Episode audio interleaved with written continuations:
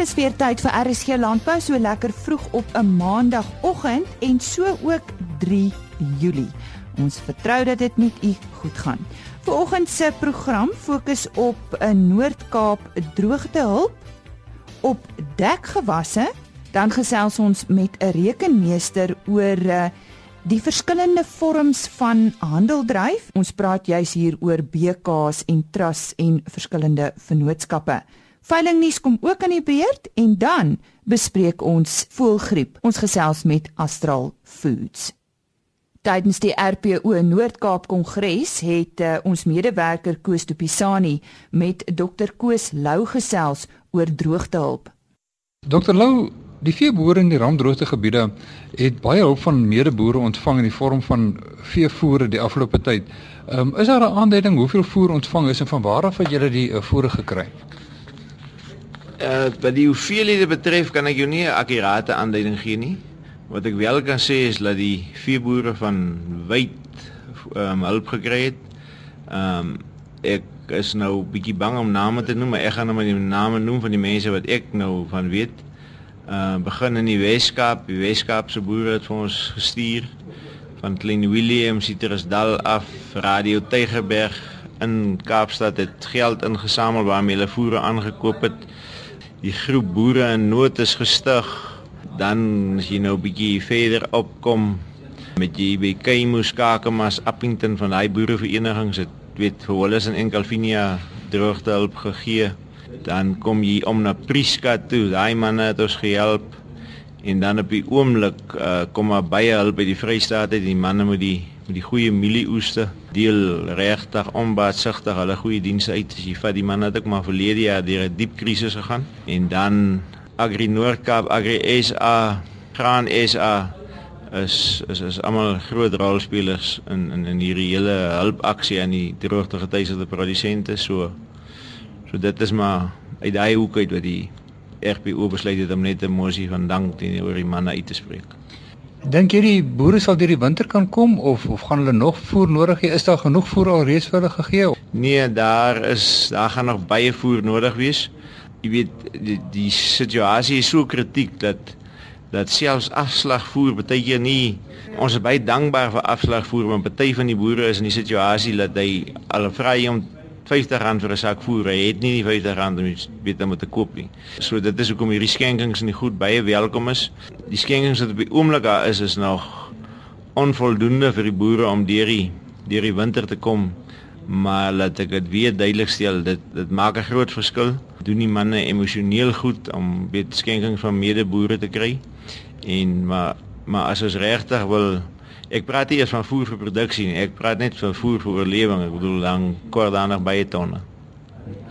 Ek glo baie boere moes hulle kuddes verminder op uh, om deur die droogte te kom. Hoe lank dink jy sal dit neem om vir die boere om weer weer op hulle bene te kom?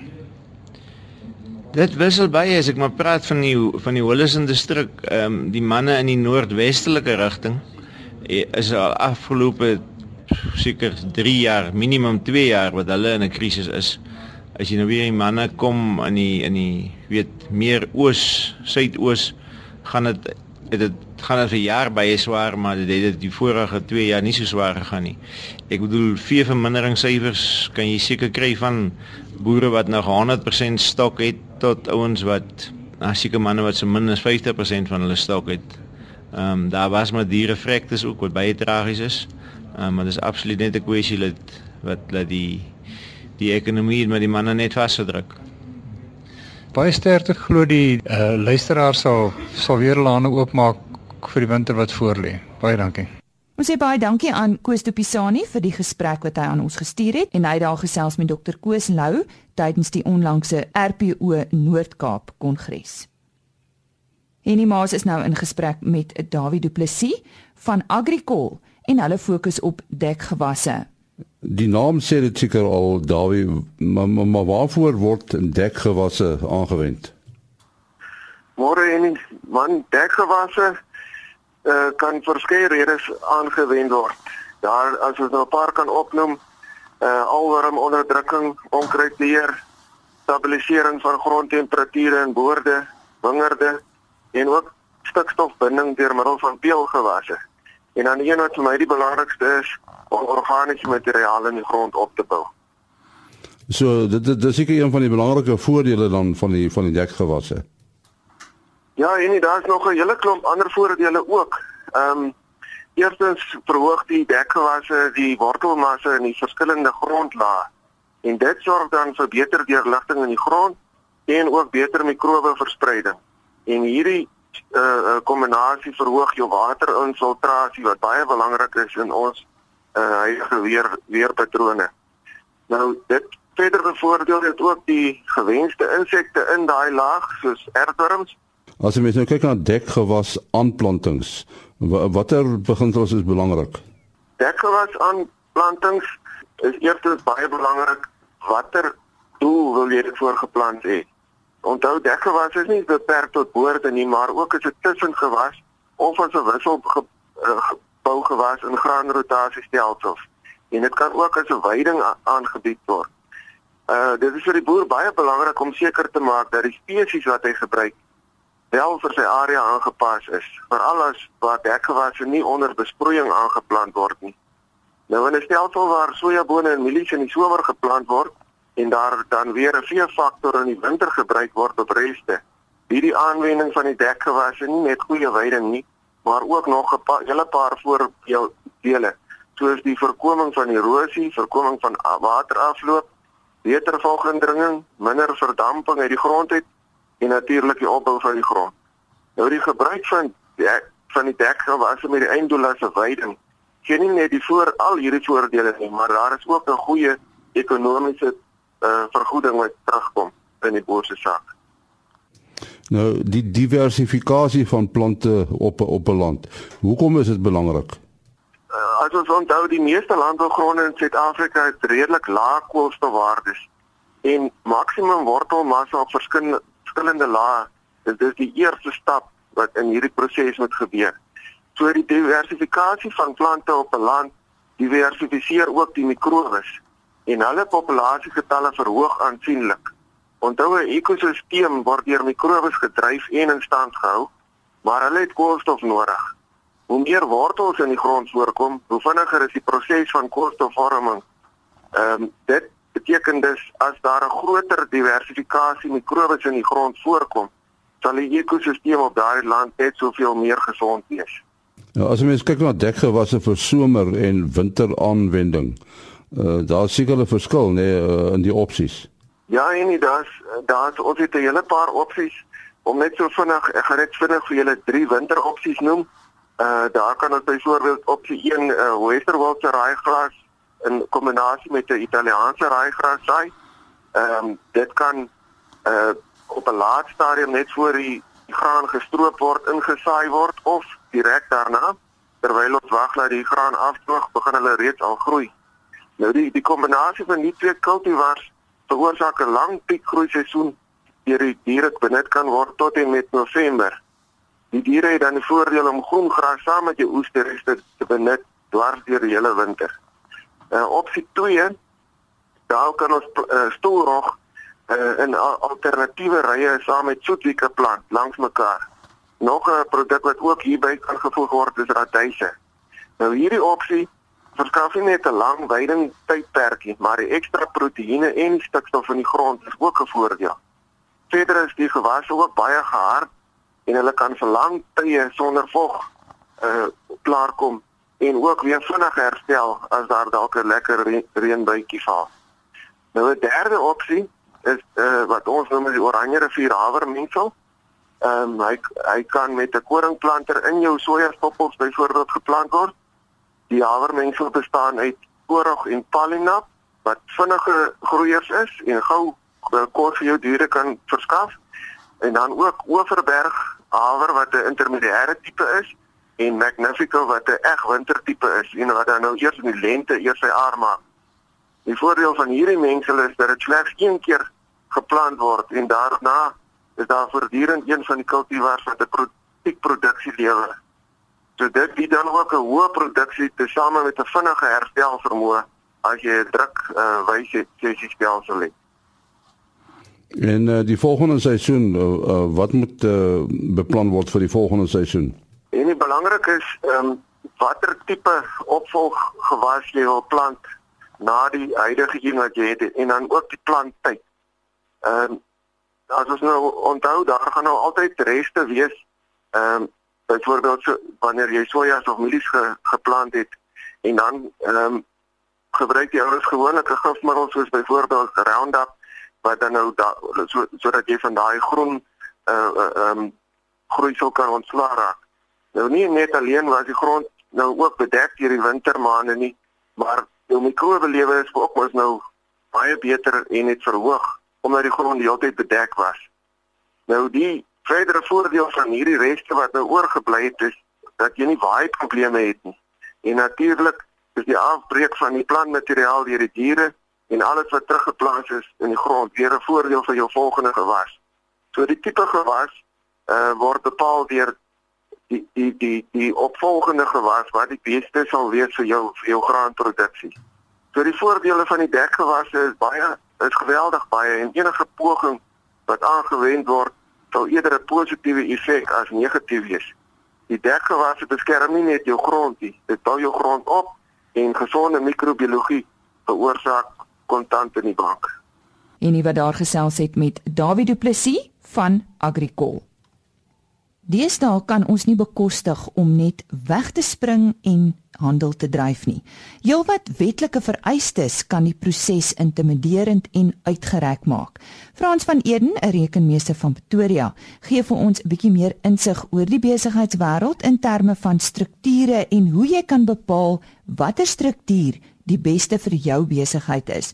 Frans, goeiemôre. In hoeveel vorms kan daar in Suid-Afrika handel gedryf word en wat is hierdie vorms? Lisa, ons kan in vyf um, vorms handel dryf in Suid-Afrika. Dit is eenmanssaak, vennootskappe, 'n uh, eh, trust, ehm um, beslote korporasies en maatskappye. Dit is privaat en publieke maatskappye. Wat gebeur met 'n eenmanssaak wanneer die eienaar sterf? Ongelukkig wanneer die eienaar sterf, beëindig daai besigheid in effek wat jy moet doen is omdat die die besigheid deel is van die eienaar se identiteit, is dit ingesluit in sy boedel en wanneer hy doodgaan, dan moet die rekening gesluit word.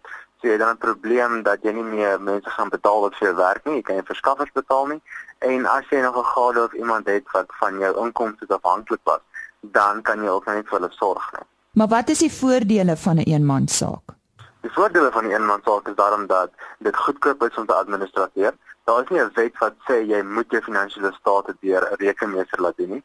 So jy kan self op Excel byhou of net soos wat jy wil. So dan kan jy van daar af jou finansiële state opstel in 'n formaat wat jy kan verstaan jouself en jy kan dan jou belastingopgawes voltooi. So dit is baie goedkoop. Solank jy jou belasbare inkomste onder 31% kers hou op op jou glyskaal vir individu, dan spaar jy in feite ook op inkomstebelasting. En wat is die ooreenkomste tussen 'n een eenmanssaak en 'n vennootskap? Wel dis dis maar baie dieselfde. Vennootskap is die besigheid vestig ook in die in die ehm um, persone, natuurlike persone, soos met 'n een eenmanssaak. Wanneer hulle te sterwe kom, dan beëindig die vennootskap. As een vennoot sou uit, dan beëindig die vennootskap ook en solank die belasbare inkomste vir elke vennoot onder 31% kerk bly, spaar hulle ook belasting. Dit is ook goedkoper aangesien dit ook nie gekorporeer word nie. Hoe het beslote koöperasies ontstaan? Daar was 'n uh, 'n vraag gewees lank terug.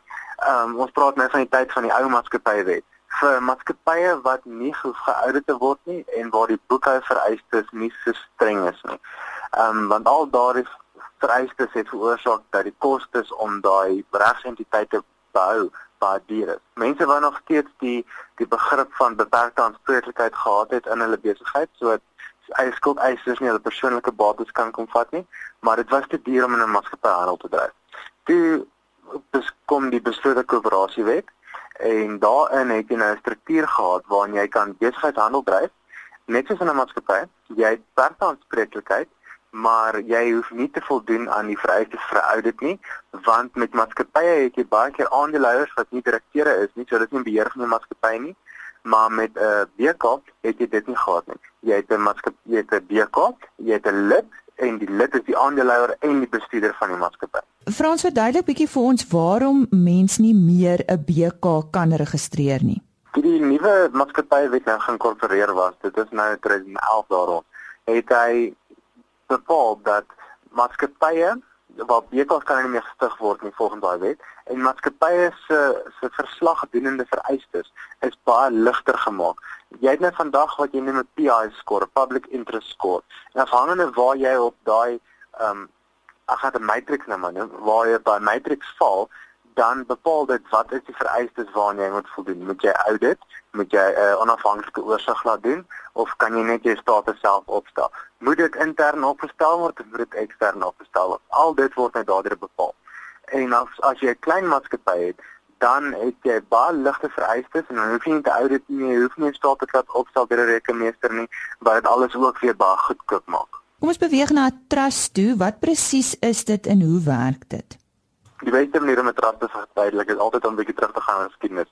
Ehm um, wat ek altyd van hom te vertel is jy het 'n night gehad in die ou dae wat my crusade gaan beklei. Hy het 'n vrou en kinders gehad wat hy gelos het by die huis, sê maar in Frankryk of waar ook al. En hy moes nou gaan beklei in Israel. Wat daar gebeur het is hy moes nou loop, dan moes hy sy grond los en sy vrou en sy kinders los, maar hy weet nie dat iemand vir hulle kan sorg nie. Nou as een van die redes is 'n buurman dalk nou nie gaan beklei in hierdie crusade nie, dan gaan hy na hom toe en sê van luister, ek is het 'n gedeelte van my opbrengs vir jou te gee as 'n as 'n voetjie, dat jy net vir my kinders en my vrou kyk, dat jy my grond onderhou tot wanneer ek terugkom van hierdie crusade af. So dan het jy nou jy het jou jou komponente van 'n van 'n trust daar. Jy het jou oprigter wat die Knights wat gaan beklei. Jy het jou trust akte, dit is die dokument waarop hulle sou ooreenkom wat die die trustee, dit van die buurman kan doen om te sorg vir die die vrou en kinders wat hy kan wat sy magte is met ander woorde dan het jy natuurlik nie trustees wat nou dit genoem het en dan jy begunstigdes en jy begunstigdes is my vrou en kinders en al die die bates 60 nou in die trustee en word bestuur deur die trustee sodat die vrou en kinders nou daai kan voordeel trek. En nou wat jy doen vandag se terme met 'n trustee is jy sit bates daarin wat jy wil beskerm vir die toekoms vir of begunstigdes of organisasies wat jy wil hê daai met water trek. Maar dis jy wil nie noodwendig hê hulle moet beheer hê daaroor nie vir een of ander rede dalk. Kan wees jy dink hulle kan met geld werk nie of soos enigiets in daai lyn of dis te moeilik om dit aan hulle oor te handig, dan stel jy trustees aan om dit te bestuur vir hulle. Nou as jy nou 'n uh, 'n uh, uh, voornemende besigheidsman is, ehm um, watter struktuur gebruik jy nou vir jou besigheid? Hoe kies jy? Dit sal maar afhang wat jy behoef. As jy nie wil belê in my JSE geluiste aandele, dan gaan jy dalk oorweeg om met die aandele in 'n maatskappy te kan 'n maatskappy inkorporeer. Die rede daarvoor is dit eenvoudig jy betaal dan dividendbelasting op die dividende wat jy maatskappy het. As jy basis wat skuldvry is wil beskerm van ehm um, skuldeisers, uh, sommer grond waar jy ehm um, nog 'n verband het dan sal jy daai bates wat skuldvry is nou weer in 'n trust hê van sit. Dit hang maar altyd af van jou spoed. En hoe beplan hierdie besigheidsman nou sy struktuur? Wel, ons moet kyk wat het hy, wat het skuld op, wat het nie skuld op nie. Wat wil hy doen meer? Wil hy hierdie bates moet oorgaan na 'n spesifieke trust of 'n uh, maatskappy of 'n uh, erfgenaam wanneer hy wanneer hy daai prentjies het, kyk waarheen wil alles gaan en dan op grond van dit kan hy sy struktuur opstel. Maar jy moet weet wat jy het en hoe jy dit wil struktureer. Hoe gemaak as jy nou 'n meer komplekse struktuur wil ontwikkel? Okay. Meer komplekse strukture het nou probeer wat aankom van is is hierdie struktuur heeltemal opgestel sodat wat jy wil doen reg daaruit kan kan lewe kry as ek dit sou kan stel. Ehm um, as ek dit byvoorbeeld wil struktureer vir BEE e, waar jy wil hê mense moet baat kry uit hierdie struktuur uit jou jou plaaswerkers. Ehm um, maar jy wil ook hê jy moet kan beheer behou. Gaan jy na iemand toe wat wat spesialiseer in daai spesifieke komponent waarin jy wil die struktuur bou, as ek dit sou kan stel. So ek sal voorstel wanneer jy een of ander komplekse struktuur het waar daar baie onderafdelings is en die bates van hierdie een moet iets gekoppel word aan die bates van daai een nie en die besigheid word daarin gehandel gedryf so voort. Gaan jy na 'n spesialis toe wat daarin spesialiseer. Hulle sal vir jou leiding gee en hulle sal vir jou fokus op dit of dit of dit. Hulle sal jou vrae kan vra en hulle sal ook die hele struktuur kan opstel sodat dit wettig is. Die stem daarvan Frans van Eden en hy is 'n rekenmeester van Pretoria. Kom ons kyk gou na 'n uh, klompie veilinge wat in die volgende dae gaan plaasvind. Die 14de Grassfields Beef veiling vind op die 4de Julie plaas by die Groenvlei veilingkrale en dit is in Utrecht Wakkerstroom omgewing. 374 Grassfields African Drought koeie, verse en bulle word deur Vleis Sentraal opgeveil, die afslaer Paul Botma. Ook op die 4de Julie die Ermelo Bonsmara groep produksieveiling by die Herwoods Bullring op Davel. 40 geregistreerde stoetbulle, 100 Bonsmara tipe koeie en verse word opgeveil deur BKB van Wyk. Op die 6de Julie is die 2017 Beefmaster nasionale veiling by die Afridome in Parys. En die Transgariep Angus veiling vind ook op die 6de Julie plaas by Trompsburg in die Vrystaat.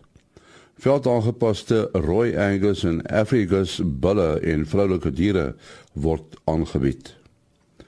EP George Bonsmara se veiling vind op die 7de Julie plaas by Wasbank KwaZulu-Natal.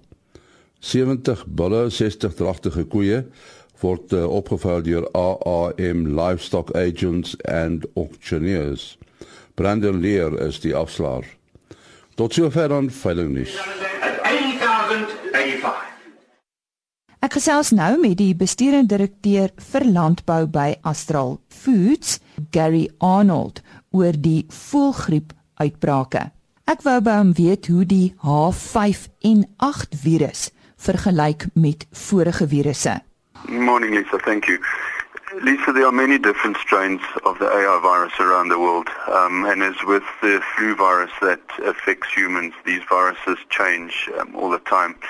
Maybe specifically to mention, there are two types of um, AI strains. There's a low pathogenic strain and a high pathogenic strain the H5N8 virus that has affected uh, poultry in South Africa now and that in Zimbabwe is a high, highly pathogenic strain and this can be spread rapidly amongst birds. The first bird flu that, that was detected was a number of years ago, you might recall in China, the H5N1 outbreak caused quite a lot of concern around the world. Um, but since then, these viruses have transformed, and um, as I say, there are um, very many uh, types or strains of the AI virus now found around the world. Nou ons het al gehoor dat die oorsaak is uh, dat dit wilde voëls is wat die virus oorgedra het. Kan ons dit bevestig? Is dit so? Uh, waar kom dit vandaan? Yeah, that's correct. It has been demonstrated that AI um, is primarily spread by wild birds. You normally find that migratory water birds, those that are living around uh, dams, reservoirs, um, are, the, are the, the, the cause. These birds typically shed the virus through their feces, nasal and oral secretions, and I mean, that can be into the water or into the environment. So any direct or indirect contact between wild birds and domestic chickens can result in infection. Uh, we know, and, and it's been widely uh, discussed, that H5N8 has spread rapidly across Western Europe since November of last year. And it has also been recorded in North America during 2015. But more importantly, recently in six African countries, including South Africa now. Watter stappe is reeds geneem om die probleem aan te spreek en miskien uh, wat sal julle graag wil sien moet gebeur? Lisa, there's a there's a number of well-documented steps that should be followed. The, the response process starts with the detection of sudden deaths. So, for example, on the Astral poultry breeding site, we identified um, a, a, spike or abnormal mortality in deaths amongst our birds that obviously heightened um, our um, senses to, to a particular issue and we began testing the birds for a number of different things, never mind just avian influenza. We confirmed by way of testing that this was a highly pathogenic strain of AI, and we identified it through honest report as H5N8. The next step was to immediately quarantine the farm, and that was followed by a process of depopulating this particular affected farm, which began with destroying the birds. Um, we are now engaging with the Department of Agriculture to approve a protocol where we want to dispose of these birds in a safe and efficient manner. And that is likely to take place with a hazardous waste management company. Um, once all the birds, manure, feed, and discarded protective clothing that is now on the farm have been disposed of, the next step will be to eliminate the virus from the farm, and that's critical. Uh, the site will stay empty for at least 21 days, during which time uh, the farm will be thoroughly cleaned and disinfected. We will, on a regular basis, have to take environmental samples that will be tested for the virus. And once the farm is declared virus-free, we can work to get the quarantine lifted and the farm restocked as soon as possible. Maar Gary is 'n produsent teen sulke uitbrake verseker. At the moment, unfortunately not. Uh, we are not insured against animal disease risks and um, to date, no insurance company in South Africa offers such cover. Lisa, what we can do uh, to mitigate that is just continue to maintain a high level of biosecurity on all our farms. And that is ongoing. It's an ongoing practice and it's in place to mitigate disease risks. And we must just maintain um, the high level or high standards of biosecurity that, that we have in place. En dit is dan maar die verantwoordelikheid van die produsent om te verseker dat dit in plek is. That's correct, yeah. It is. Um, every poultry producer in the country has a responsibility now, more than ever, to ensure that high levels of biosecurity are in place. Um, and if there's any advice for producers um, in South Africa, uh, that's just to remain vigilant and maintain a high level of biosecurity. Uh, I I would like to advise that if you experienced any unexplained high levels of mortality amongst your birds or poultry flock, that you must report this to your nearest state veterinarian and do not move, move any birds from such a site. Uh, the disease must be contained early on and the farms quarantined. Nou ons weet dat daar 'n verbod op die koop of verkoop van lewende hoenders geplaas is, maar Gary dis moeilik, die informele mark. Ek bedoel daar is soveel klein hoendertjies wat oral verkoop word. Hoe beheer julle dit? Lisa, there is a temporary ban that has been imposed um, in discussions with DAF. The industry has established that they're looking to lift this shortly, um, but it is likely that the sector will be subject to much tighter regulation.